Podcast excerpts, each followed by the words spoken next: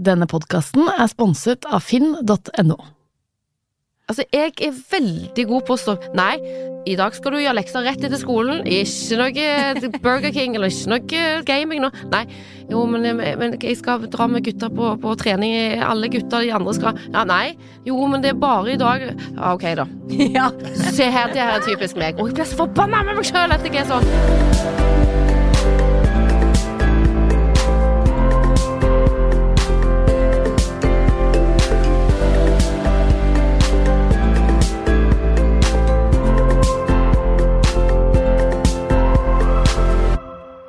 Velkommen til en ny episode av Familiekoden.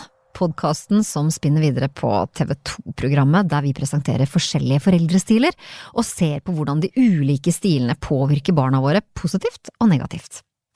Jeg heter Katrine Moholt, og jeg sitter som vanlig sammen med deg, psykologspesialist Reidar Gjermann. Velkommen! Tusen takk. Hvordan er dagen din?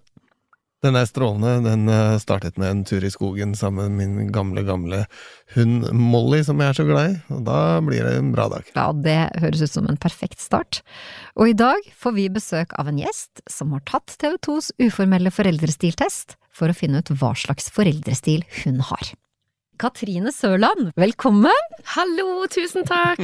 Du er modell, TV-personlighet, podkaster, gift med eiendomsmegler Andreas Holk og sammen så har dere en sønn på 15 år. Hvordan er livet som tenåringsmamma? Hjelpes meg. Ja. Jeg syns det er så tøft, jeg. Hvorfor det? Eh, Ja, fordi at eh, du kan tenke at bare for noen måneder siden så hadde jeg på en måte litt sånn den der foreldre, foreldrerollen min under kontroll. Det er rart det med tenåringer, men det skjer utrolig fort. Det var ikke jeg forberedt på. At bare på noen måneder så plutselig så har han blitt tenåring og liksom nærmest fjerna seg litt mer og mer fra meg. og det er vondt, og det er skummelt, og det er rart og uvant. Vet ikke helt hvordan jeg skal være eh, akkurat nå som mor, og at han trenger meg plutselig veldig mye mindre. Altså, denne der, der gikk fort, altså. På hvilken måte merker du det at han trenger deg mindre, da? Føler det mest, eh, og ser det selvfølgelig. Du vet at han setter liksom øynene i deg og bare «Åh, mamma, og alt sånt. Jeg har jo sunket så sykt på den kulhetsskalaen. Han er rett og slett blitt et helt eget individ. Ja, ja der sa du det.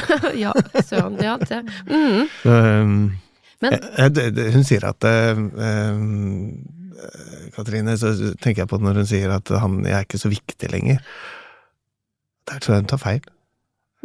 Det er bare godt Hans jobb er ikke å gi tilbakemeldinger til deg om hvor mye han elsker deg, for han er ditt barn og kommer til å være det fryktelig lenge, selv om han snart er voksen.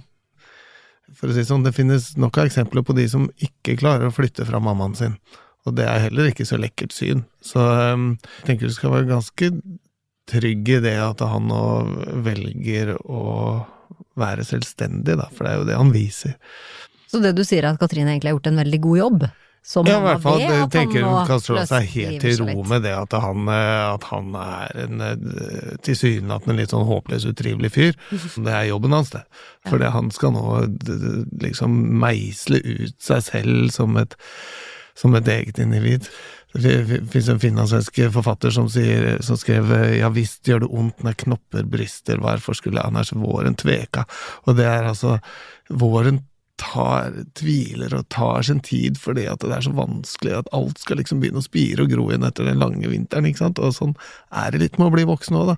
Det gjør vondt, og det er helt nødvendig, og det er jo fantastisk vakkert samtidig. Å, det var litt godt jo, å høre. høre.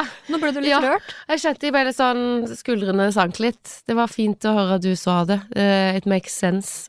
Og nå skal vi eh, se på litt hva slags mamma du er, for du har jo også eh, tatt den uformelle testen som vi har laga i TV 2, og som kan gi oss noen svar på da hva som er viktig for deg som mamma, og hva du prioriterer høyest i livet med barna. Eller med sønnen din, da. Og resultatet blir én av fem forskjellige foreldrestiler, og da har vi strukturert, empatisk, fleksibel, beskyttende og målretta foreldrestil. Ohoi, Mm. nå er jeg spent. Ja, hvilken, hvilken oh, nei, stil tror du at du har selv, da? Ja, oh, halve min Nei, vet du hva, det aner jeg ikke. Jeg føler sjøl at jeg er midt mellom alle de her. Eh, Det var det jeg følte òg når jeg tok testen. Mhm. At jeg var veldig sånn Gud, hvordan klarer de å finne noe på meg? eh, Hvem jeg er? Jeg tror ikke de klarer det. Nei. I ene øyeblikket så følte jeg meg veldig sånn Nei, dette, går, dette slår jeg hardt ned på. Mens andre gangen så måtte, jeg sånn Nei, Katrine, vær ærlig. Hva gjør du? Lar du han spille litt ekstra, eller eh, bryr du deg om hvor lenge han gamer? Sant? Altså, Men hva, hva tror du Andreas ville sagt at du er, da? Litt ettergivende. Eh, litt streng. Eh, litt for snill. Altså, jeg er veldig god på å stå Nei, i, da, i dag skal du gjøre lekser rett etter skolen. Ikke noe Burger King eller ikke noe gaming nå. Nei, jo, men, men jeg skal dra med gutta på, på trening. Alle gutta, de andre skal Ja, nei. Ja. Jo, men det er bare i dag. Ja, ok, da. ja. Se her, det her er typisk meg. Og jeg blir så forbanna med meg sjøl at jeg er sånn. Men veit du hva jeg har hørt? Som jeg, jeg kan kjenne meg inn i det der, nemlig. Men så var det en eller annen som sa det at inkonsekvente foreldre gir kreative barn. Å! Så tenkte jeg bare yes! Gud, nå blaffa hodet nå. var ikke det litt deilig? Satan, Det var litt gøy å høre. og så er det veldig, for at du Reide pleier jo også å si det at når vi er inkonsekvente, hvis, hvis vi lar barna våre komme med all informasjonen, sånn som det du sier nå, da, at han, du sier først nei, men så fikk du litt mer informasjon, Ja. og det da å kunne snu, Ja. da pleier er du sånn Reidar å si at det er egentlig en bra ting. det. Ja, det er jo sånn på jobben sant. Altså, man kommer rekende inn, og så søker man om et eller annet, og så sier man altså, kan ikke jeg, nå har jeg lyst til å gjøre det, og så bare nei, vet du hva, det høres ut som en dårlig idé. Men da, hør da, hør da, hør da. Ikke sant? Og så bare sånn, Ja. ja, kanskje vi gjør det, og så er det kanskje det som liksom bringer dagen videre i den situasjonen. Er det med barna òg, og helt ned til små barn, altså. Vi, eh, så det å så ha noen tydelige rammer og alt det her, det betyr ikke det samme som at vi skal sette rammer bare fordi at det er behagelig for oss selv, eller altså hva det måtte være. Det er veldig sånn forutsigbart og lett som foreldre å tenke at det skal være gjort lekser før klokka fem, men hvorfor skal det egentlig gjøres lekser Ja, før sant klokka fem? det? Så det å finne en eller annen fin balanse, og så blir det ofte sånn da, hvis det er to som er foreldre sammen i, og har den oppgaven, at det er en som tar liksom jobben med å være den der litt strenge, og så er det en som tar den der, så da kan den andre slacke lite grann. Og så, for hvis han plutselig hadde begynt å slacke, da, Andreas, så hadde da du tenkt at men i alle dager, nå må jeg stramme inn. Ikke sant? For du kan jo slappe av litt mer hvis han tar jobben med å være liksom the bad cop. Nå ser du letta ut. Nei, Nå var jeg veldig letta igjen. Nå skal, flaten! Vet du hva, dette er så gøy, for nå plutselig innså jeg noe helt eh, det, det, du, What you said. For dette er her eh, for ikke så veldig lenge siden, så var det, mer, det var et eller annet med at Leon spurte meg om han skulle få lov å ha noen kompiser på besøk, mens vi var vekke. Og jeg bare, ikke søren, det der, kommer, sant, ja akkurat, sant, man begynner jo litt med drikking i den alderen sånn, jeg var veldig usikker, og jeg vet selv om Leon er ganske øh, fin på dette her, så synes jeg jo allikevel at man skal ikke ta det helt, ta helt av det. Så sier jeg sånn, nei. Mens Andreas, min mann, han sa ja. Og da ble det det omvendt. Ja, ikke Og Flaten, det var jo også sant, ja ja, der ser du. Mm. Det er riktig det. Ja, da, det Vi er jo aldri på lik linje, meg og han driver og balanserer ikke sant, på alt mulig rart eh, Ja. eh, gjennom livet. Og, eh, men så kan du jo tenke på da at eh, en dag så står han der, da, han er sønnen din, uten at du er ved siden av, og skal finne ut av ting selv. Det er jo greit at man vet litt hvordan man skal improvisere, eller hvordan man skal klare å få vilja si eh, gjennom, ikke sant. Så han har fått bryna seg litt og øvd seg litt på mamma. Og, og sånne ting. Og når du syns at han er litt vrien og vanskelig og kravstor og umulig og alt mulig rart, så stikk over til foreldrene til bestekameratene hans. Så spør de åssen er det egentlig å ha han på besøk. Og så kommer de til å fortelle at vet du, han er så ja, verdens hyggeligste fyr. Det er sånn. sånn, Han kommer inn i huset, akkurat som om det, hele pulsen senker seg i hele familien, og det blir sånn rolig og fint rundt bordet, og det er takk og vær så god og alt mulig rart hit og dit, ikke sant? Men han trenger ikke å være sånn hjemme. Og det som du sier, Katrine, det stemmer egentlig veldig bra med testen òg. Gjør det det? Ja, fordi Oi. at testen viser at du har en soleklar, fleksibel foreldrestil. Fleksibel. Mm, hva tenker du om det? Nei, gud, det var stas ord. Fleksibel, vet du. Det er meg, det, vet du. Ja. Det er veldig meg som person generelt. Eh, jobb, alt mulig. Jeg er veldig sånn at jeg kan snu på krona. Eh, både positivt eh, med at det er ikke noe krise, stress og styr hvis ting liksom Hvis noe skjer, eller hvis noe eh, må ordnes, eller at eh, det er natt istedenfor dag, og omvendt. Altså, ja. Det er fleksibelt.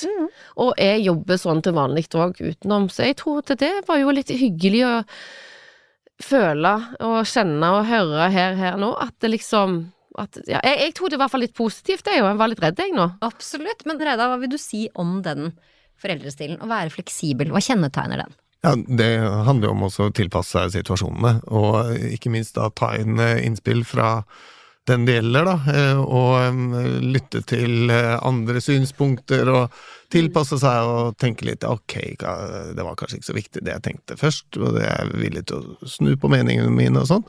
Det er jo en fin ting. Men hvordan påvirker det barna da, Reidar, hvis vi blir for fleksible? Det kommer litt an på hvordan man er fleksibel. Hvis det handler om at man ikke bryr seg, så er det jo veldig problematisk. For eh, barn som opplever at foreldrene ikke bryr seg om eksempel når de skal være hjemme på natta, de vil fort kunne ljuge på seg innetider, rett og slett for å gi et inntrykk både til seg selv og andre om at det er noen der hjemme som venter på meg. Så det at vi setter grenser, det er også en måte å vise barna våre kjærlighet på? Ja, det er eh, ikke bare en måte å vise kjærlighet på, men det er en måte å vise vei på.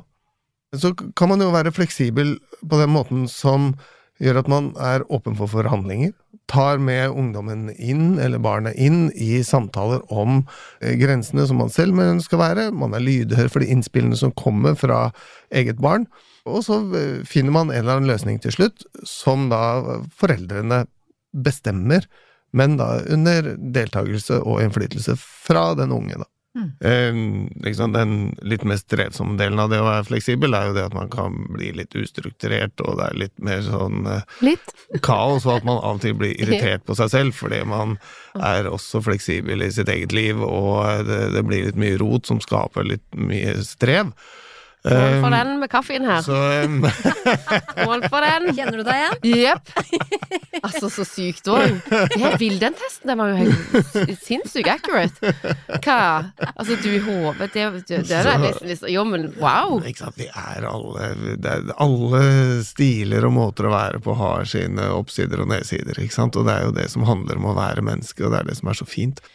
Hvis vi skal titte litt mer på den testen din, da, med din fleksible foreldrestil. Ja da så er det blant annet et, eh, et, svar i testen hvor du får spørsmål om barnet ditt har gjort noe dere har klare regler imot. Hva gjør du? Og da svarer du jeg har en del regler, men syns det er vanskelig å vite hva som er lurt hvis de brytes. Og det er jo en typisk sånn fleksibel, ikke sant, at du, at du ikke har den derre strukturen på akkurat det. Hva er det du syns er vanskelig, hvis du gir et eksempel på det? Mat, for eksempel. Mm. Vi har middag hjemme til et visst tidspunkt. Han er med gutta, sant, og etter skolen. Meg og gutta skal ut og spise, så kommer vi på trening etterpå. Litt at den der sliter litt med nå, for dette den der regler hjemme, faste rutiner, det har vi vært veldig opptatt av siden han var liten, og akkurat plutselig, liksom nå i det siste, så begynner liksom disse her rutinene og reglene, de der familiereglene, det at middag er da, sovetid er sånn, de begynner å skli litt ut. Ja. Og da tenker du hva gjør jeg da? Hva gjør jeg da? Ja. Eh, her i går eh, og forrige uke så har jeg, liksom, jeg har to episoder der jeg bare Nei, du får ikke gå og trene, du skal komme hjem og gjøre leksene dine. Først lekser, så Og da da følte jeg meg ganske kul inni meg. Det var litt sånn yeah, girl. ja, for du har lyst Du har ja, lyst til Du er fleksibel og tenker ja ja, så dra på trening, men de gangene du klarer ja. å holde på regelen, så liker du det. Hva tenker du, Reidar? Hva, hva, vil du råde? Men jeg klarer ikke alltid som regel. Det var den ene gangen, da. Ja, ja. Men da var jeg litt stolt. Og han gjorde som du sa. Og han gjorde som jeg sa. Mm. Uh, nei, altså det er den der herlige balansen, da. Uh, men altså, han blir jo fryktelig fort veldig mye eldre akkurat nå. Og så tenkte jeg oi, så flott at han trener, tenkte jeg. Det eh, er jo mange som ikke gjør. Ja. Og eh, det er en veldig fin ting for, eh, for ungdom i full blomst. Og han har masse venner som han drar på Burger King med. Wow! Det er en veldig god ting, ikke sant? Men så hender det da at det, Du har sikkert merket noen ganger, selv om akkurat den gangen så funka det, da, men når du skal komme med noen sånn slags grensesetting eller regler eller noe sånt, det er noe med tidspunktet som de lanseres. Um, så hvis du setter grensene akkurat når liksom begge to er litt aktivert, så er sjansen for konflikt ganske mye større. Så hvis dere lager en samling rundt bordet på et tidspunkt som dere har avtalt på forhånd. Så kan dere sette dere ned, og så kan han være med å utforme disse reglene. For da er det jo et betimelig spørsmål å si du, vet hva, jeg merker at du er jo borte på nesten alle disse middagene, så, og så har vi jo egentlig en sånn regel om at vi skal være hjemme til middag hvis det ikke er noe helt spesielt. Kanskje ikke er så viktig det der middag for deg, liksom. Så da kommer det til å si sånn jo! Ja, ja, ja, absolutt. Ja. Ja, men da la, la oss lage et system da, som funker for alle tre, liksom. Og så, um, så er han med oss og lager reglene, og så kommer både han og dere to til å bryte noen av de av og til, og så er det grunner til det, og så snakker vi om det etterpå, ikke sant? Ikke sant. Ja. Mm. Det var godt råd. Det som er så fascinerende med, med deg, og Andreas også, mannen din, det er jo at dere har vært veldig åpne om det som har vært vanskelig i livet. Altså, du snakker om fødselsdepresjon. Ja. Det har vært samlivsbrudd, utroskap. Oh yes. Dere har funnet tilbake igjen til hverandre, og dere har vært veldig åpne. Dere har delt mye av dette her nå i deres egen podkast. Men hvor mye har dere delt med sønnen deres? Vi har delt det meste. Vi kunne jo aldri gjort en sånn ærlig podkast om vårt liv og forhold hvis ikke han hadde på en måte vært med på det, og det må jo si er fint med å ha en 15 år gammel gutt. Så jeg føler liksom Leon har vært med i denne prosessen på godt og vondt. Fra den helsikens tiden det var før meg og Andreas gikk fra hverandre med krangling og dritt i hjemmet. Det jeg merka Leon gikk, trak, trakk seg tilbake igjen. Eh, var, var mye hjemme alene på rommet sitt. Eh, jeg husker jeg tenkte at dette her er ikke noe bra, til når vi faktisk gikk fra hverandre, der han måtte få beskjeden om at nå går vi fra hverandre, til å ha nye liv, nye forhold, eh, riktignok ikke veldig offentlige forhold til han, til å komme sammen igjen. Og han har vært med på hvert eneste steg, så jeg føler liksom at han, han har så stor del i våre vår, Det som har skjedd i vårt liv, at liksom, jeg kjenner meg veldig trygg på det. Og jeg føler han, jeg føler han veldig trygg på det. Hvorfor er åpenhet så viktig for deg, da? Akkurat når det gjelder utroskap og sånn, så har vi ikke vært veldig sånn detaljerte. Han sitter ikke sjøl og hører på denne poden, og det gjør ikke kids og hans heller, men foreldrene hans gjør det kanskje, og det kan jo være det kommer litt spørsmål. Men, men eh, der har vi òg valgt å være ærlige og åpne, men vi har liksom ikke gnagd i hæl. For jeg husker òg når jeg var 15 år, jeg skjønte ikke helt hva det betydde engang. Mm. Men jeg vil ikke undervurdere han. På Mm. ingen som helst måte. Så han har fått eh, å høre alt og vite alt, og han hadde, har fått spørsmål mer enn en gang om Syns du det er greit? Vil du høre podkasten? Nei, jeg vil ikke høre han, men jeg hører han, men setter han på høyt i stua. Så han får høre han, han hører han i bilen av og til. Og han sier 'herregud, dere orker ikke det her, dere to jobbegreiene deres'. Altså, sånn er livet, sier han av og til, men jeg trenger ikke høre foreldrene mine snakke om det hele tida. Så han er litt sånn kule, men så ser jeg at han er veldig glad for til syvende og sist at vi er sammen igjen. Ja. Og det overgår alt. Jeg har skilte foreldre sjøl, og jeg må si det at eh, jeg husker jeg drømte om at foreldrene mine skulle bli sammen igjen. Og det å få lov å oppleve den øyeblikket der han sitter ved siden av oss rundt middagsbordet, der vi forteller at, eh, at mamma og pappa skal bli sammen igjen, det øyeblikket og de øynene hans og det det kommer jeg aldri til å glemme, og det ser jeg at han er utrolig takknemlig for den dag i dag. For det å se gutten sin når vi ikke var sammen, det var ikke godt. Og det her er jo så relevant, og jeg tenker at det er så mange som kjenner seg igjen i dette her, Reidar. Det å stå midt i et brudd, annethvert ekteskap ryker, det å være i en utroskapssituasjon, det er jo så mange som opplever det hele tida. Og hva tenker du da, Reidar, om å dele så store kriser i samlivet med ungene? Ja. Det er jo sånn med barn når det gjelder nesten alt. Hvis ikke de får informasjon, så kommer de til å gjette seg til informasjon om ting de likevel ser.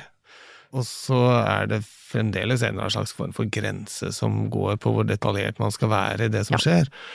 Um, jeg tenker Den største fella man kan gå i i et sånt samlivsbrudd, er å prøve å trekke barnet over på sin side. For uansett hva som har skjedd i forkant av et samlivsbrudd, er at det er to personer som har gått fra hverandre, selv om det tilsynelatende er én som har gått fra den andre. Og det er en slags konflikt som er årsaken til det hele. Men for barna så vil eh, mammaen og pappaen være nøyaktig like viktig i livet, og det skal det være helt til denne mammaen og pappaen dør, ikke sant? Og det å gi den gaven til barna sine i et sånt øyeblikk, hvor man prøver å svelge sin egen stolthet og prøve å beskrive mest mulig objektivt hva det er som hva foregår, og hvorfor det er som det er, uten å trekke barna over på sitt parti, det er det viktigste man kan gjøre. Men det er jaggu ikke lett, for man er jo selv i et følelseskaos og er så forbanna at det koker over, ikke sant? Fikk dere det til på den måten, eller var det lett å sverte hverandre? Ja, van vanskelig. Eh, Jeg var den i forhold som ville gå, Andreas var den som ikke ville gå. Um, selv om han skjønte at det, det var nødvendig, så syns jo jeg det der å fortelle ungen det eh, sammen med Andreas var vanskelig.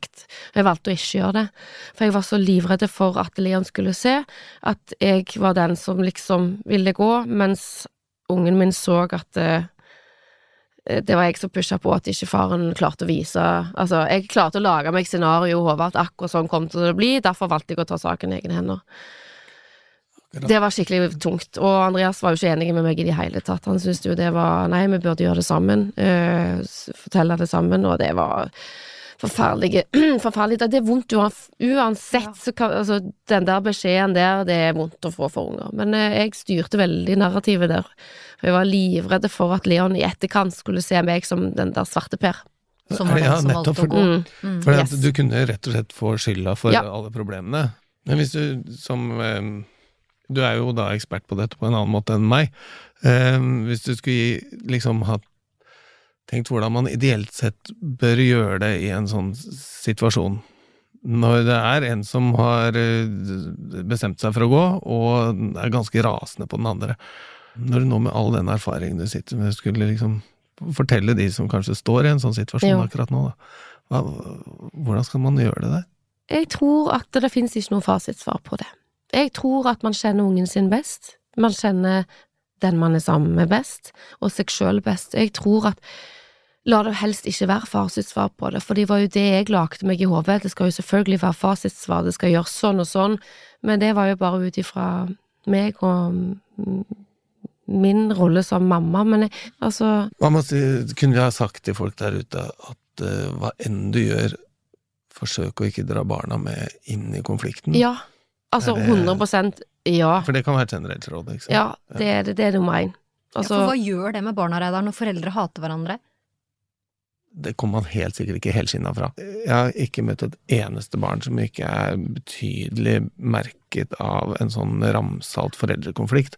Og det er, det er noe av det som fyller norske rettssaler i dag, er en mamma og en pappa som står der på hver sin side og og er helt nødt til å finne fram de verste sidene i hverandre for at de skal prøve å vinne en sak.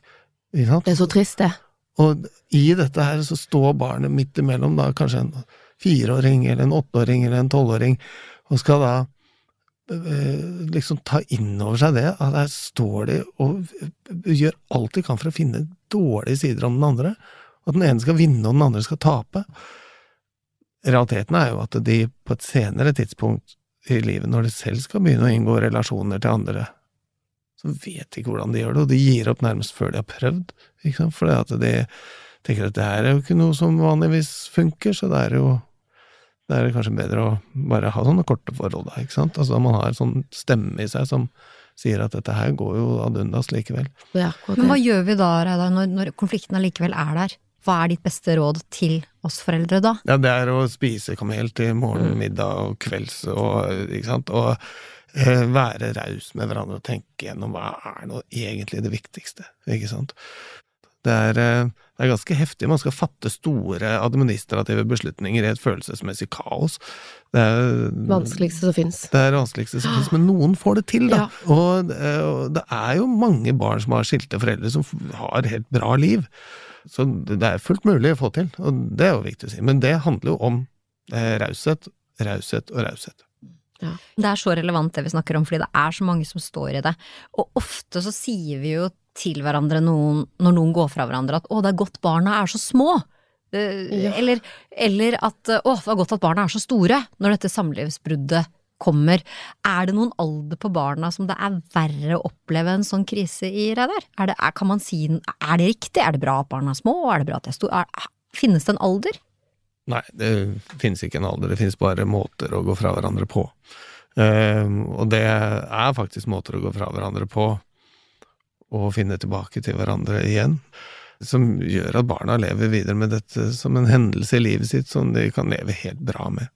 Men de bør ikke ha en oppvekst i konflikt, altså i en følelsesmessig konflikt. De har mer enn nok å bruke krefter på, disse her ungdommene og barna, enn foreldrenes følelsesmessige kaos. Da. Mm. Visst er det det. Og jeg tror jo den der ærligheten eh, man viser Jeg merka jo det at det, jeg var veldig, veldig var for uh, at Leon, når han bodde hos meg, de 50 prosentene når meg og Andreas var fra hverandre, det var jo nesten tre år. Eh, og da var han jo ennå Han var barn, men begynte å bli voksen.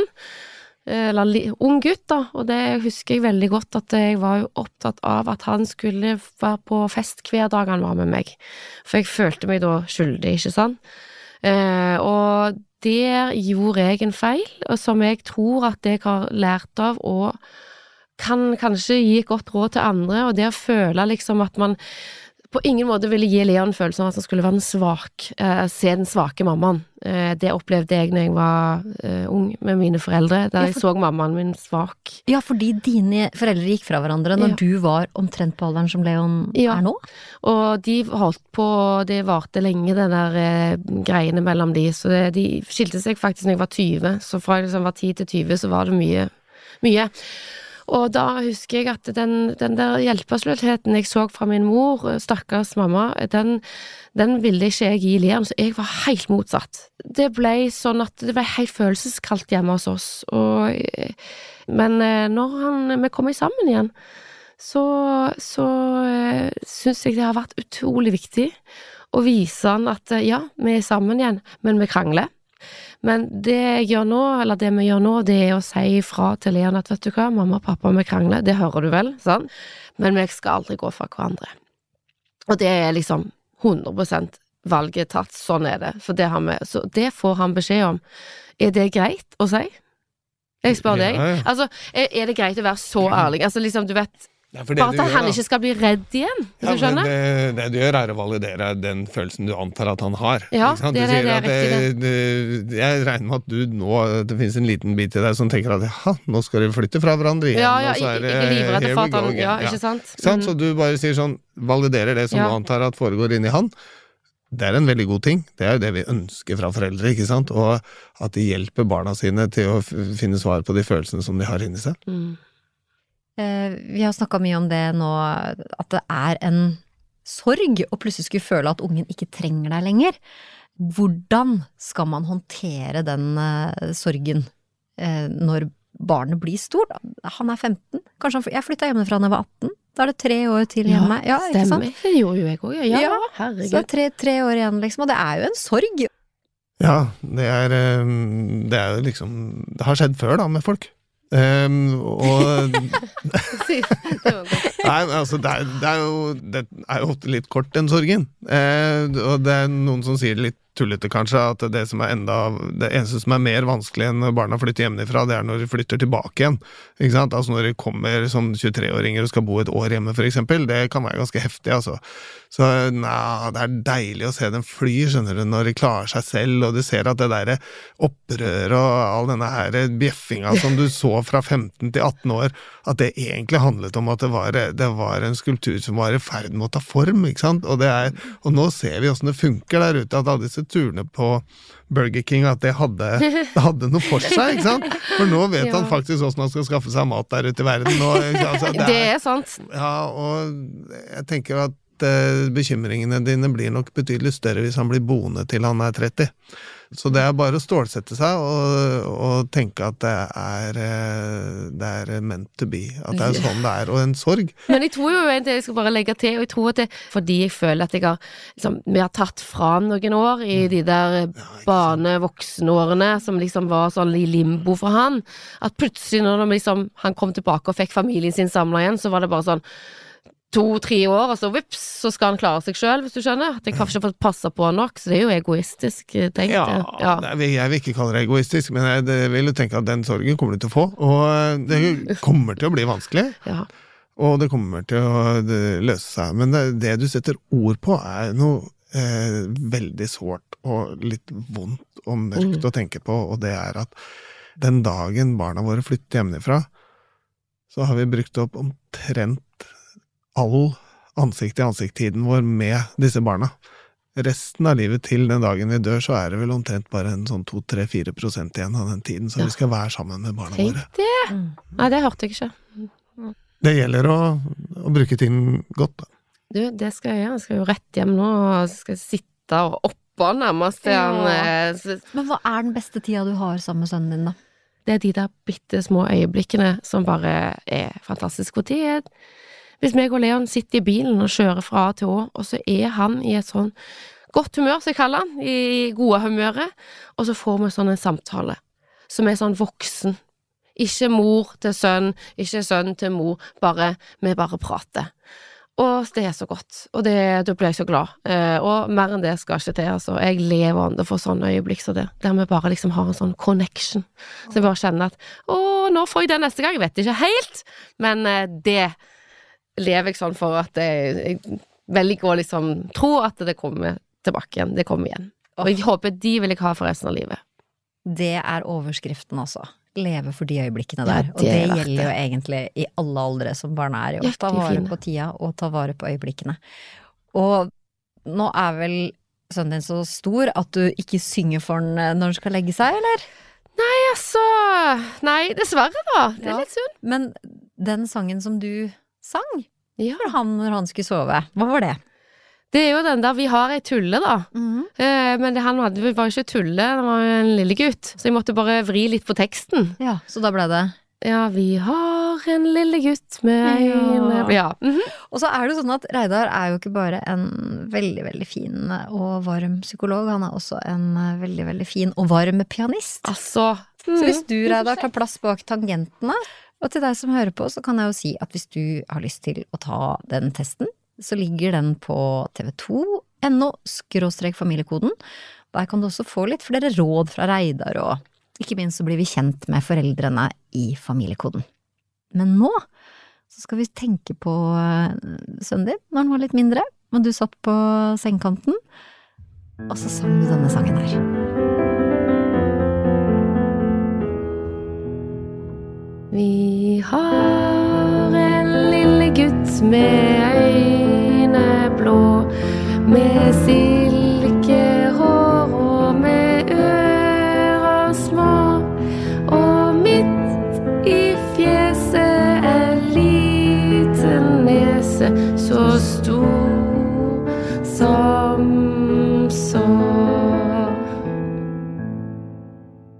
Denne podkasten er produsert av Monster for TV 2. Produsent er Kjersti Kvam, research og booking av Tara Solli, etterarbeid av Annie Ostre og Espen Rogne, musikk av Espen Rogne, ansvarlig produsent for Monster er Mira Khan, for TV 2 Mari Vattum, og redaktør i TV 2 er Trygve Rønningen.